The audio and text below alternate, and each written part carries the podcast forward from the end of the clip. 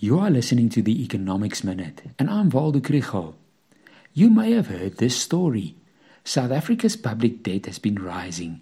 In 2020, the budget deficit increased sharply, and the then Minister of Finance, Tito Mboweni, said that we have to close the mouth of the hippo. That meant there was no money for anything.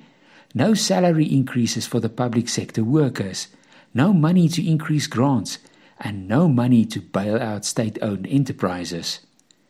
Now, after a year of economic recovery, the government is expected to collect 200 billion rand more in taxes than they budgeted for. The money is mainly from companies that export commodities and enjoyed a price boom last year.